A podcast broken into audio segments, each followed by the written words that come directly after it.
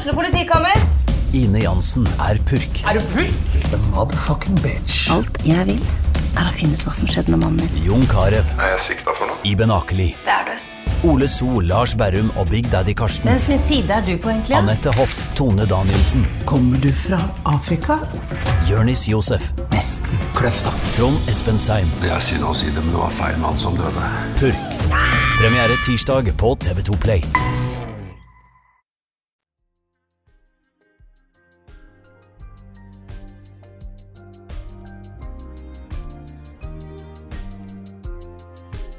Du hører på Den dama med Synne Muren Olsen og Cecilie Brendehaug Rysjedal. På dagtid forvalter du mangfoldige millioner eh, og sitter i stramme møter der du peiler ut framtida for eh, regionens næringsliv. På kveldstid, derimot, står du gjerne på scene og synger i parykk. Velkommen til oss, eh, næringslivets topp og revystjerne Beate Therese Solheim Grønvik. Tusen takk. Du har jo eh, en imponerende eh, karriere som eh, vi skal høre mer om seinere. Men jeg er litt interessert i å høre med dine ord. Hvem er du? Hvem er jeg? Jeg Ja, det var en morsom sånn intro når du kanskje høres, høres ut som en litt annen person enn du er, men det stemmer vel greit. Jeg em, har da en mann og tre barn hjemme. Og eh, fra jeg var liten, så har jeg flytta mye rundt. Men jeg bodde i Florø jeg på ungdomsskolen og videregående. Og så har jeg da flytta litt rundt omkring og studert og jobba litt. Og vært, jobba da i Oslo og India og Stockholm før jeg havna i Bergen igjen, og så tilbake til Florø for ti år siden. Så det er vel litt sånn eh, kort oppsummert. Ja. Og eh, hvis en ser på eh, LinkedIn-profilen din, eh, så er det jo Ja. Det syner jo om at du har levd et spennende arbeidsliv, og kan skilte med ganske mange sjefsjobber. Men hvis vi spoler helt tilbake, da du var liten, trodde du at du skulle bli sjef, eller ville du bli på en måte sjef, sånn som du er blitt nå? Nei, da jeg var liten, så tror jeg jeg ville være butikkmedarbeider, sånn som alle andre. Og jeg var kanskje syntes det virka spennende å jobbe innenfor helse og omsorg. Men så kom videregående og kjemi, og vi var ikke særlig gode venner i starten. Veldig gode venner nå. Men eh, da på videregående så fikk vi òg økonomi, da. Det var et av fagene. Og så har jeg alltid vært glad i matte og tall. Og så ble det på en måte sånn at eh, jeg merka at det lå veldig lett for meg, det faget. Jeg syntes det var veldig gøy, og det var spennende. Og så skulle vi søke, da. Så skrev jeg økonomi på. Så kom jeg inn der. Av og til er det litt tilfeldig alt sammen. Mm. Hvordan eh, var det den gangen du søkte? Var det mange av venninnene dine som gjorde det samme, eller ble du litt eh, den eneste i vennegjengen som eh, gikk den retningen? Jeg var den eneste i vennegjengen som gikk i den retningen, men så har jo alle mine vennegjenger vært litt sånn kort, kortvarige. Det er liksom ingen barndomsvenner jeg måtte flytte fra. Når barndomsvenner så har jeg faktisk bare én.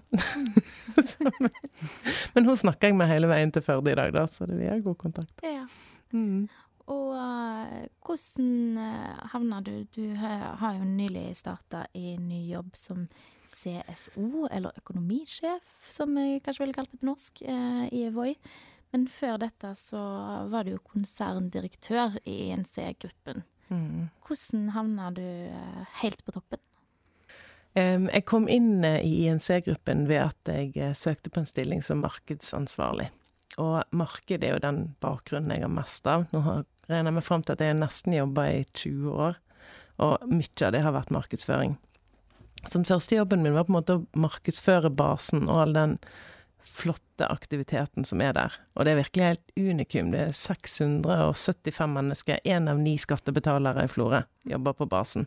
Hei. Og de er ekstremt gode på å håndtere store gjenstander med lite skade. Og der var, fikk jeg da være med på alt. Sant? Jeg fikk møte alle, jeg fikk snakke med alle, jeg ble kjent med utrolig masse flotte folk. Og skulle da markedsføre den aktiviteten, kanskje både overfor media, men òg kanskje sånn kommunen og innbyggerne, og prøve å få fram den gode jobben som blir gjort der. Og så var det vel um, i den jobben, da, så var det vel uh, han ene eieren i um, INC-gruppen som syntes at jeg gjorde en god jobb, da, tror jeg. Kom og spurte om jeg ville være med og jobbe litt først med å omstrukturere et av selskapene i INC-gruppen, og deretter være med når Havlandet skulle vokse fra 6 til 40 ansatte på to år.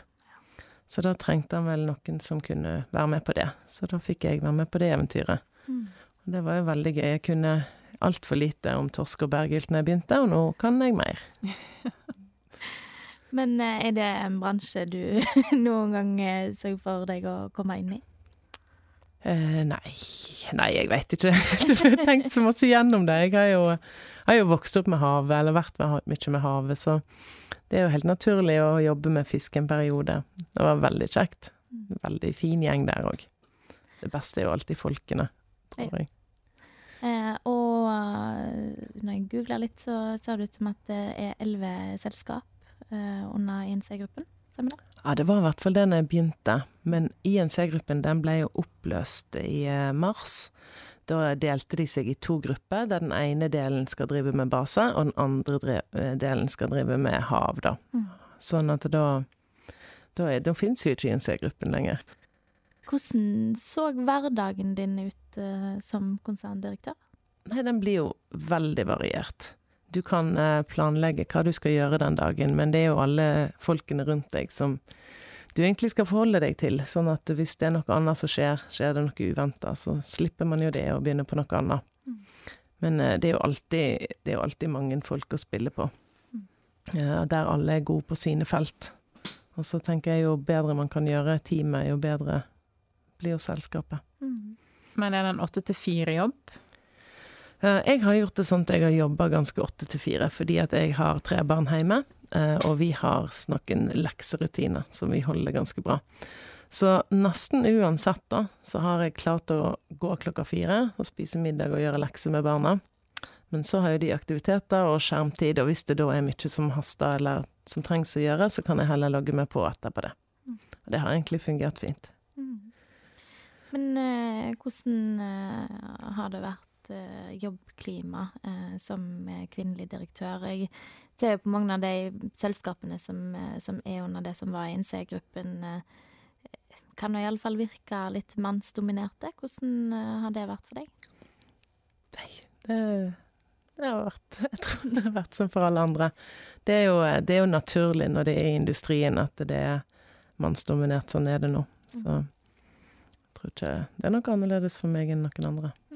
Men har du hatt uh har du hatt noen opplevelser som du tenker uh, Som har gitt deg en aha-opplevelse, på en måte?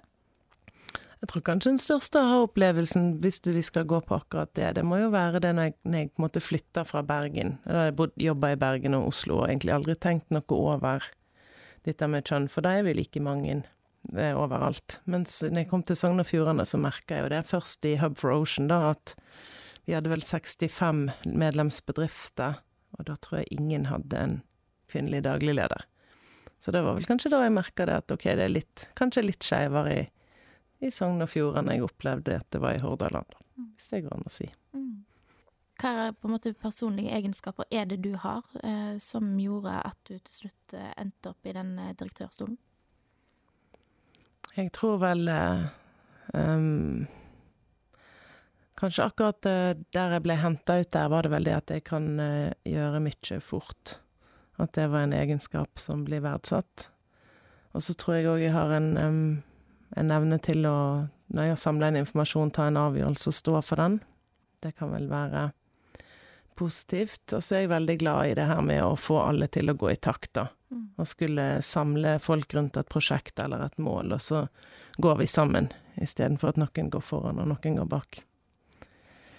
Det er vel kanskje det jeg får I den grad man får tilbakemeldinger, så er det vel kanskje det som har blitt satt pris på. Mm. Men hvordan er det å være Du er jo leder på godt og vondt i en bedrift. Altså du er den som eh, blir eh, si, hylla når ting går bra, og så er du den som må, må svare når ting går dårlig. Ja. Um, hvordan er, det, hvordan er det? Altså, hvordan klarer en å omstille seg? Når ting går dårlig, eller når ting Mm. går bra? Ja, altså Begge deler. Men hvordan er det på en måte skal være den som skal svare? Det er jo eh, Det er vel å forberede seg så godt man kan. For som regel, når noe går bra, så er det jo en sum av mange faktorer. Eh, Og det samme når noe går dårlig. Så da, da er det jo ofte i styremøtene, da, at man må forsvare det, at ting ikke har gått helt som planlagt. Og da tenker jeg jo bedre forberedt man kan komme, jo bedre er det. Og, og absolutt å ha en plan. Hva har man tenkt til å gjøre for å løse situasjonen?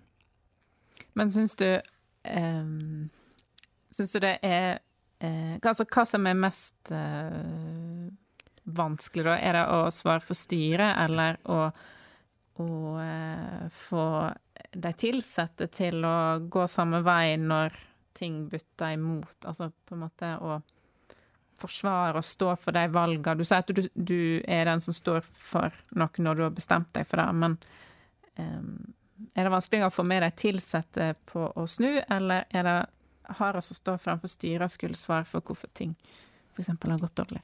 Der må jeg svare styret. Stor overvekt. For de ansatte der, de står jo sammen hver dag, hele dagen, og, og jobber sammen for det målet vi har. Mens styret, de kommer jo på en måte litt utenifra og skal vurdere og følge med og se hvordan ting er. Så ikke bare skal man sette de inn i hele situasjonen og hvordan det var, og så skal man forklare det, og så skal man komme gjennom det. Men så har ikke man det samme samholdet alltid. Så det der er det jo helt klart styret som vinner den kampen. Det er jo en eh, næring hvor det er mye politisk eh, mening om. Eh, Kjente du noen gang på det, på en måte, at folk hadde politiske meninger om deg og den jobben dere gjorde? Ja, jeg føler liksom jeg kom litt imellom de politiske, for det var først en, en stor diskusjon om basen skulle få lov å utvide. Og, og den kom jeg etter. Men når det sto på òg, så var det sånn at eh, de måtte forsvare veldig da. Skal vi utvide basen, skal vi ikke? Og så gjorde de det.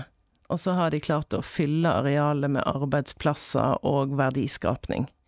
Så vi ser jo det at de får jo til noe. De klarer det. Og så når eh, vindmøllene eh, drev og holdt på, da jobba jo jeg i Havlandet, så da var jeg jo ikke på. Så der havner jeg på en måte litt mellom de to største mediegreiene. Og Hvordan er det? Jeg hører jo at når vi snakker om dette, at du, du blir engasjert. Ja. eh, Det lyser. Så da er jeg litt nysgjerrig på hva var det som gjorde at eh, du nylig fant ut at nå skal jeg prøve noe nytt? Nei, der var det jo Det av og til så skjer det på en måte sånne skift som er så store at man tenker at eh, kanskje nå har jeg gjort det jeg skulle gjøre her. Eh, og jeg lurer på om det kan ha noe med det her med at jeg, jeg har alltid flytta annethvert år. Så er det Det er ikke at jeg trenger å gjøre det for alltid, men når det kommer et sånn stort skift, og jeg ser at OK, nå har jeg Jeg fikk den oppgaven å være med på å vokse fra to, 6 til 42 ansatte. Nå har jeg gjort det. Nå kommer det et skift. Nå blir de om til et familieselskap. Så står det et annet eventyr der, da, som er Evoy, som òg bare Ja, det er jo et eventyr. Mm. De er markedsleder eh, på det å gjøre båttrafikken fra diesel til elektrisk. Og lykkes de, så lykkes vi med mange av klimamålene våre. Havet får det bedre. Og igjen da, så er det òg en sånn strålende gjeng som nå er blitt 46 personer, som brenner for det. Og så tenker jeg OK, da er det kanskje på tide å prøve noe annet, så da prøver jeg å være med på dette eventyret. Så lærer jeg om båt. Så kan jeg om båt og fisk og base. Og da, da tenker jeg da kan jeg jo mer enn jeg kunne i går, og det er jo gøy. Ja. Og hvordan har eh, innrullingen, om man kan si det sånn, til den nye jobben vært? Ja, altså nå er jeg jo på dag 20, så da føler man seg jo selvfølgelig totalt bortkommen. Uh, jeg veit ikke hvor noe er, eh, og jeg veit ikke hvem som kan hva, og jeg klarer ikke å gjøre noe som helst sjøl. Så da føler man seg jo um, rimelig tapt bak ei vogn. Så jeg gleder meg til det har gått 100 dager, for da skal det være bedre. Men eh, nå er det jo bare kaos. Men igjen, da, så er det jo det der med at når du er ny, og så ser jo folk at OK, hun trenger hjelp. Og så kommer de, da, og viser meg hvor jeg skal finne det, og hva jeg må lese, og hvor jeg, hvordan jeg skal gå fram. Og så finner man jo ut av det. Men det er jo nesten litt sånn befriende å høre, for jeg føler ofte når en snakker med ledere, så har de så kontroll på alt, og de har svaret på alt, og de vet alt eh, fra dag én. Eh, hva tror du på en måte du tjener på å ja, bare si at dette, det er ikke alt det her jeg kan ennå? Nei, det tror jeg flere burde si. For uh, det er ingen som har kontroll på alt. Mm. Det er mange som er flinke til å late som de har kontroll på alt, men det er absolutt ingen jeg har møtt som har kontroll på alt. Men uh, det, det er faktisk uh, Det er faktisk sånn at de aller fleste lurer litt på hvordan de skal gjøre ting av og til. Og så er det noen som er skikkelig god på tre-fire ting, og så er det noen andre ting de ikke kan. Og der kan kanskje du hjelpe, da. Eller du. Eller jeg. Mm. Så det er jo sammen man blir god. Mm. Men det virker um, Vi har snakka litt tidligere om at eh, kvinner kanskje ikke er så frampå som menn, da. Gjerne i eh, For å skaffe seg eh, posisjoner, leierposisjoner, da. Men du, for meg fremstår det veldig eh, som jeg liker å bli utfordra og, og, og hoppe i det. Har du alltid vært sånn? Mm. Det kan han det jeg har, ja. jeg har ikke tenkt på det før. Nei? Jeg tror kanskje det. Ja, for eh, du har jo òg, som eh, Synne sa innledningsvis, du har jo jobba eh, med masse forskjellig, og du har bodd i Stockholm og India. Danmark. Danmark. Ja. Hvordan eh, Du har på en måte sett næringslivet da fra forskjellige sider. Hva, hva ta, har du tatt med deg fra de plassene og de jobbene du har hatt der, der du er nå, da? Der, altså jeg føler det fra hver jobb jeg har hatt, har jeg tatt med meg noe. Det er akkurat alltid minst to ting du tenker at dette her skal jeg ikke ta med meg videre, og så er det minst to ting du tenker at dette her kan vi få med videre. Og det har vært litt gøy med at jeg har eh, gått fra bransje til bransje absolutt hver gang jeg har skifta jobb. For de fleste gangene jeg har skifta jobb, så har det jo vært fordi jeg har ville flytte. Og henholdsvis da nærmere Florø. Det er vel det som har vært de fleste jobbskiftene. Og da husker jeg eksempel jeg kom fra eh, Svartskoff, som sant, eh, skjønnhet og hårpleie, og egentlig veldig lite meg, det må jeg jo si. Eh, og da eh, Der var de jo veldig gode på å få alt til å høres innmari imponerende ut, sant. Det er kokos i denne sjampoen, og du vil ikke tro hva det gjør med håret ditt. og så kommer du til Toro, og de var veldig sånn Ja, her snakker vi om ernæring og kosthold og kostholdsinnhold. Og så lagde de sånne presentasjoner der det sto næringsinnhold, kolon, og så kom det. Og jeg var bare sånn Nei, det skal vi faktisk slutte å si med en eneste gang. Nå skal vi begynne å si smaken som redder lørdagskvelden din, eller eh, eh, hva skal man si, sånn fantastiske smaksopplevelser, eller tar deg med til India. Altså, vi skal gå en helt annen vei. Og så kunne man på en måte ta med det her med å få ting til å se bra ut, kanskje til og med av og til bedre enn det er på, fra sjampo, og så inn i presentasjonene til matverdenen som var mye mer fokusert på næringsinnhold. Og det er liksom bare et sånn lite eksempel fra hvordan du kan ta med deg noe inn i en ny bransje. Og det er alltid noe man kan ta med seg. Men det er jo en eh, holdt jeg på å si lang vei fra Toro og sjampo eh, til båtmotorer. Um, ja, eller ja, kanskje ikke. Hvordan er det rent eh, på en måte kreativt da, for deg? Det høres ut som at du har fått gjort mye kreativt tidligere. Ja. Er, er det òg det når det kommer til båtmotorer? Er det Like kreativt eh, utfordrende? Ja, det, det, er jo, det er jo det. Du må jo eh, fortsatt eh, Sånn som nå når vi jobber med, med på økonomi- og investorsida, så skal du fortsatt selge en historie, og du skal fortsatt selge en idé og et ønske, da. Og denne gangen så er det om å gjøre havet, eller båtopplevelsen, uimotståelig. At du skal være på sjøen, og du hører ikke motoren, og du forurenser ikke.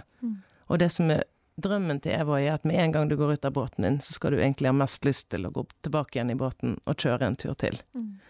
Og det òg er jo at du kan Du kan jo si ja, dette er en motor som får deg til å gå framover. Eller så kan du jobbe med hele den følelsen av å være på en båt og ikke ha lyst til å kjøre, kjøre inn igjen og legge båten til kai. Men hva tror du, er Voi og den jobben dere holder på med nå, hva tror du det kan ha å si for eh, Florø på sikt? Altså, her har de jo gått fra På fem år så er de nå 46 ansatte. Og for meg så er det viktig, det med den lokale verdiskapningen. Um, og gründeren Leif Stavestrand sa jo det at han ville på en måte elektrifisere, men han ville ha verdiskapningen her. Så drømmen er òg å bygge en fabrikk der man bygger båtmotorer i Florø, sånn at vi da får flere arbeidsplasser.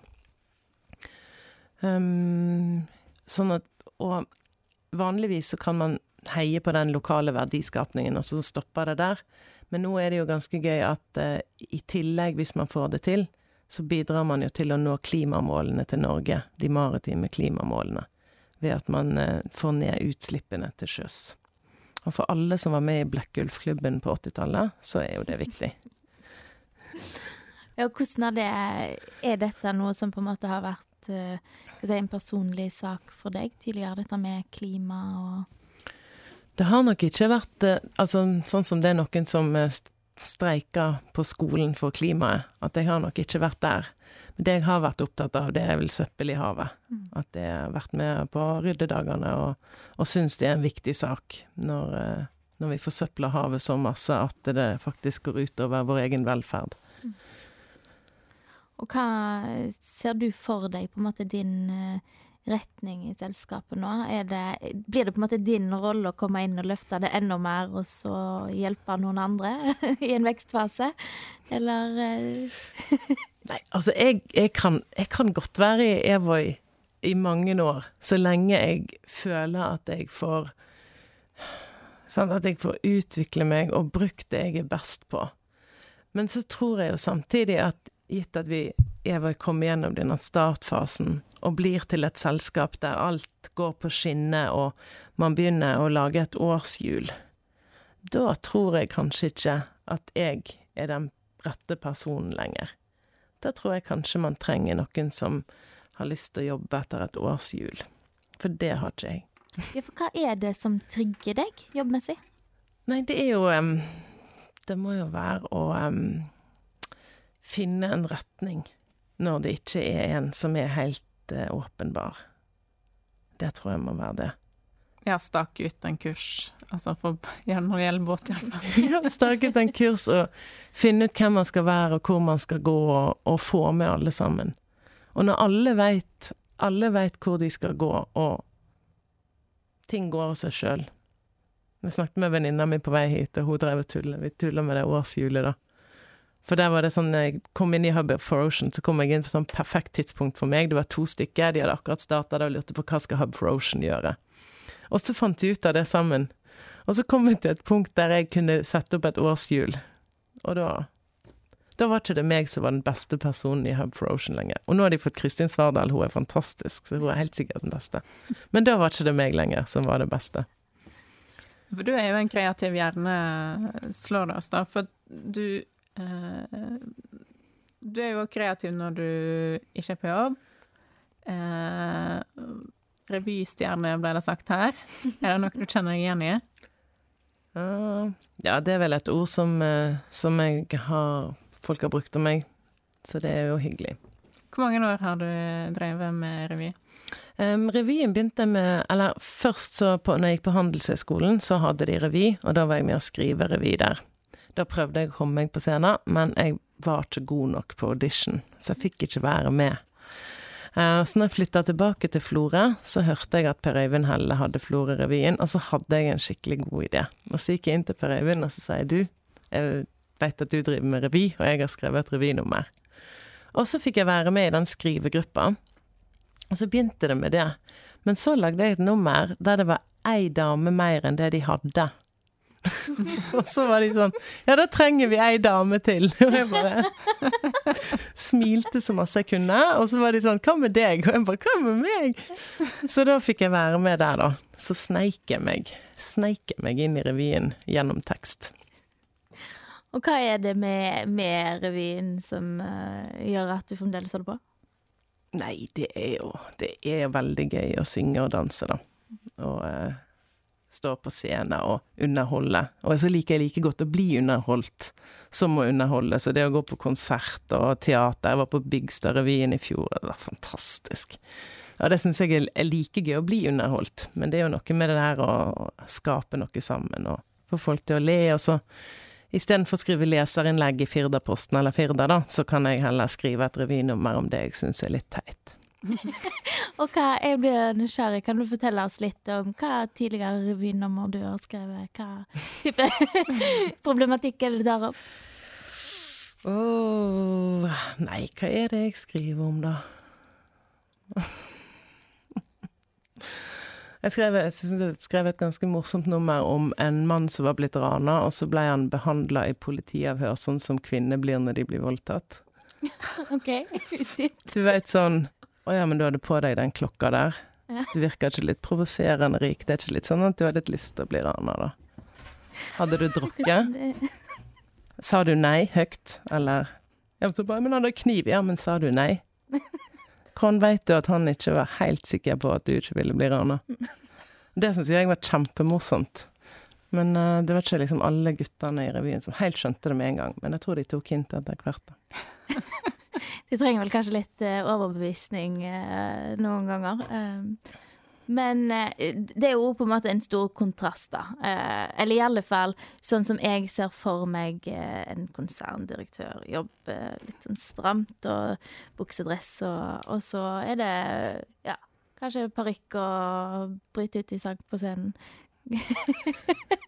Hvordan Altså sånn Trenger du det, rett og slett? Trenger du på en måte et sånn litt sånn artig space når du har en så seriøs jobb? Ja, jeg trenger Jeg syns det er veldig kjekt å, å få tulle og tøyse og leke litt. Eh, men jeg tror jo òg kanskje at det er litt mer tull og tøys og moro der oppe med direktørene enn man tror. For der eh, Det er jo folk, de òg. De òg syns det er gøy å le og tulle og spøke og dra på fisketur og gå på julebord. Så selv om de slutter å drikke på julebord fordi de må, så tror jeg de syns det er kjempegøy. Og det er masse humor, og på styremøtene òg. Ja, det kan være alvorlig, men det er humor, og det er moro, og. Det er ikke, det er ikke så seriøst og stivt alltid. Det er mye kjekt òg. Tror du eh Altså, vi kan si det sånn, når du var yngre, da, i starten av uh, karrieren din, hadde du sett for deg at du kom til å få de jobbene som eh, du nå har klart å sikre deg? Nei, jeg tror ikke det. Men jeg har ikke vært så veldig god på å lage noe mer enn toårsplaner noen gang, da. Det må jeg jo si. Så, men det jeg tror jeg har gjort, er som jeg har vært litt heldig med, at jeg tror jeg har klart å treffe ganske bra med jobber i forhold til sånn livsfaser, da. Mm. Sånn at den første jobben min da jeg jobba døgnet rundt, da hadde ikke barn, og det var jo flott. Og de årene jeg var gravid, så jobba jeg i Toro, og det var veldig lurt. For det er et så stort selskap at du, du har jo på en måte en hel mur med mennesker rundt deg, og hvis du går ut i mammapermisjon, så putter de nå bare inn noen andre på de produktgrupper. Så jeg tror jo det at jeg har eh, Og det er litt tilfeldig òg, sant, at jeg har truffet godt med det, men at jeg har um, Føler det at de jobbene jeg har hatt, har fulgt livsfasene på en god måte, da.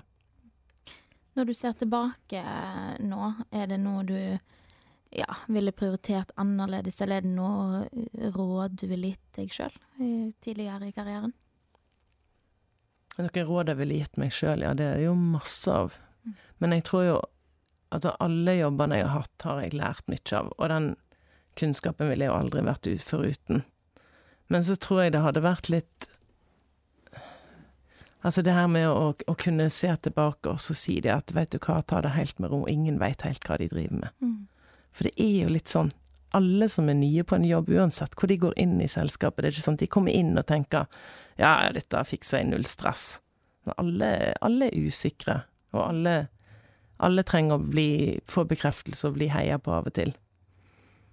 Eh, og jeg tror det Spesielt hvis man da er ung og kommer inn i en jobb der lederen ikke oppfører seg bra.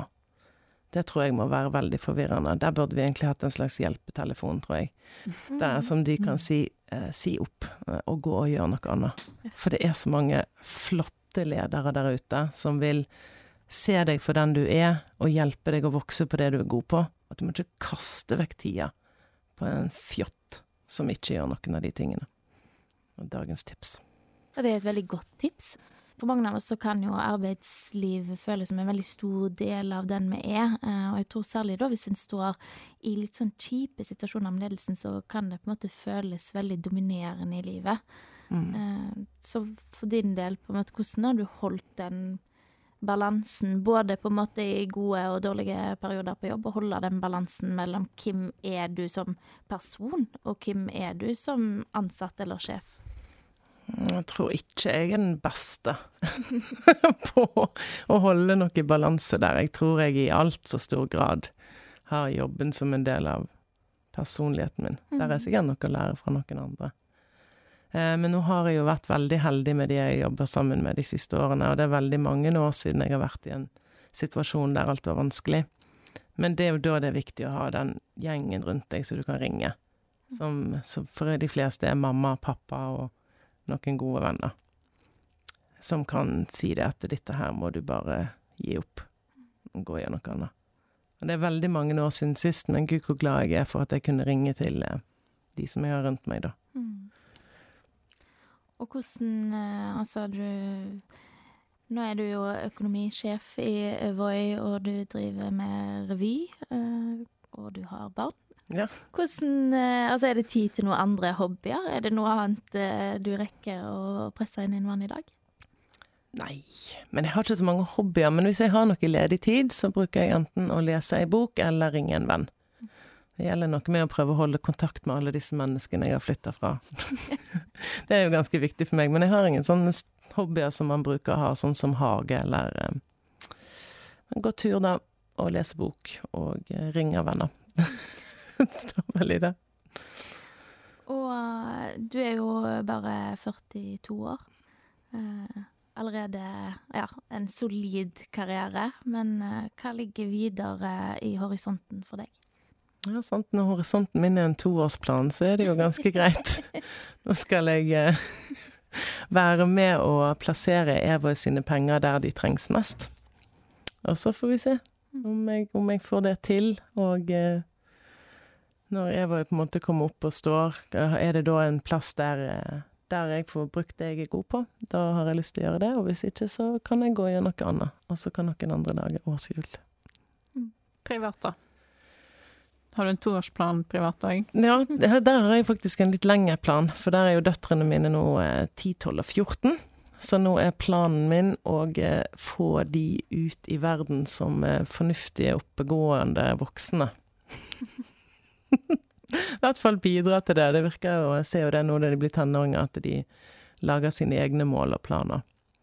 Men det er jo veldig viktig for meg å være der de få årene jeg har igjen sammen med, sammen med de. Mm. Nå er de jo slutta å komme ned om natta og klare seg sjøl, og de mener ting som jeg ikke mener. Og det er kjempespennende. Så det å sørge for at de eh, har det bra de årene de skal bo hjemme hos meg, det, det er veldig viktig. Hvordan eh, Altså, tror du at uh, din, uh, din karriere Hva tror du det kan ha å si for de tre døtrene dine å vokse opp og se alt du får til? jeg om de, ser alt jeg får til. Jeg tror de Jeg tror de, de ser at jobben er viktig, er viktig for meg. Og jeg prøver òg å si det til de, at den Altså det de, det de, kan bidra med på jobb, er det de bidrar med i samfunnet. Så jeg tror de, de vil få den samme Altså at jobben er en viktig del av det du skal bidra med. Hvis du kan bidra i arbeidslivet, så gjør det så godt du kan. Og så um, Så håper jeg de på en måte finner det de er gode på. Det de liker å gjøre og er gode på. For det er jo det er mye kjekkere når du jobber med noe som du elsker å gjøre. Og hvordan, eh, når du eh, ser tilbake, sånn som du sa, så har jo det alltid vært en prioritet eh, for deg å legge opp arbeidslivet ditt sånn at du får kommet hjem og vært med, mm. og hjulpet til med leksene og fikk være der i alle de viktige små øyeblikkene i hverdagen. Hva på en måte ville du sagt til en ung far eller en ung mor som ønsker seg toppjobber, og som jobber målretta for det som kanskje føler at de må kombinere? Ja, der òg så tror jeg jo at det er kommet veldig mye lenger enn når mine foreldre, eller i hvert fall min far, var ung, da. At det, nå ser jo de aller fleste arbeidsgivere at det må være en eh, balanse mellom jobb og fritid. Og jeg tror det i større grad enn nå er mulig å si det, at det, i kveld må jeg gi meg for barnet mitt har en eh, ja, foreldresamtale, eller Så der tror jeg jo de fleste eh, fleste arbeidsgivere er flinke til å legge godt opp. Og jeg tror man må være flink til å si ifra sjøl til arbeidsgiver at nå, nå, har jeg en periode der jeg trenger litt mer tid med barna, eller jeg trenger dette tidspunktet med barna mine, og så kan jeg heller logge på igjen hvis det er At man er tydelig på det. For jeg tror det at de som eh, brenner seg, det er vel kanskje de som ikke helt får kommunisert at de går imot noe som er viktig for dem. Hva har det betydd for deg personlig at du tok det valget om å prioritere å være til stede på hjemmebane? Nei, det, det har jo alt å si. Jeg tror jeg hadde aldri vært fornøyd med meg sjøl hvis jeg hadde gått glipp av eh, eh, den tida med de. De blir jo fort Å, herregud, så fort de blir store. Mm. Det er helt sprøtt. Jeg har en konfirmant neste år, og jeg føler at de nettopp ble født. det går så fort. Og hva skal jeg gjøre etter det, liksom? Mm. Når de er ute, så er jeg 50. Det, skal jo, det er mange år igjen jeg skal fylle med et eller annet, så da må jeg få meg en hobby. Ja. Skuespiller? Jeg, blir, jeg tror ikke jeg er god nok til det. tror jeg. Rett og slett. Nei, men det blir eh, i alle fall eh, spennende å følge med på utviklinga både til Voi og til deg. Så jeg vil bare si tusen takk for at du kom hit til oss i dag. Tusen takk for invitasjonen.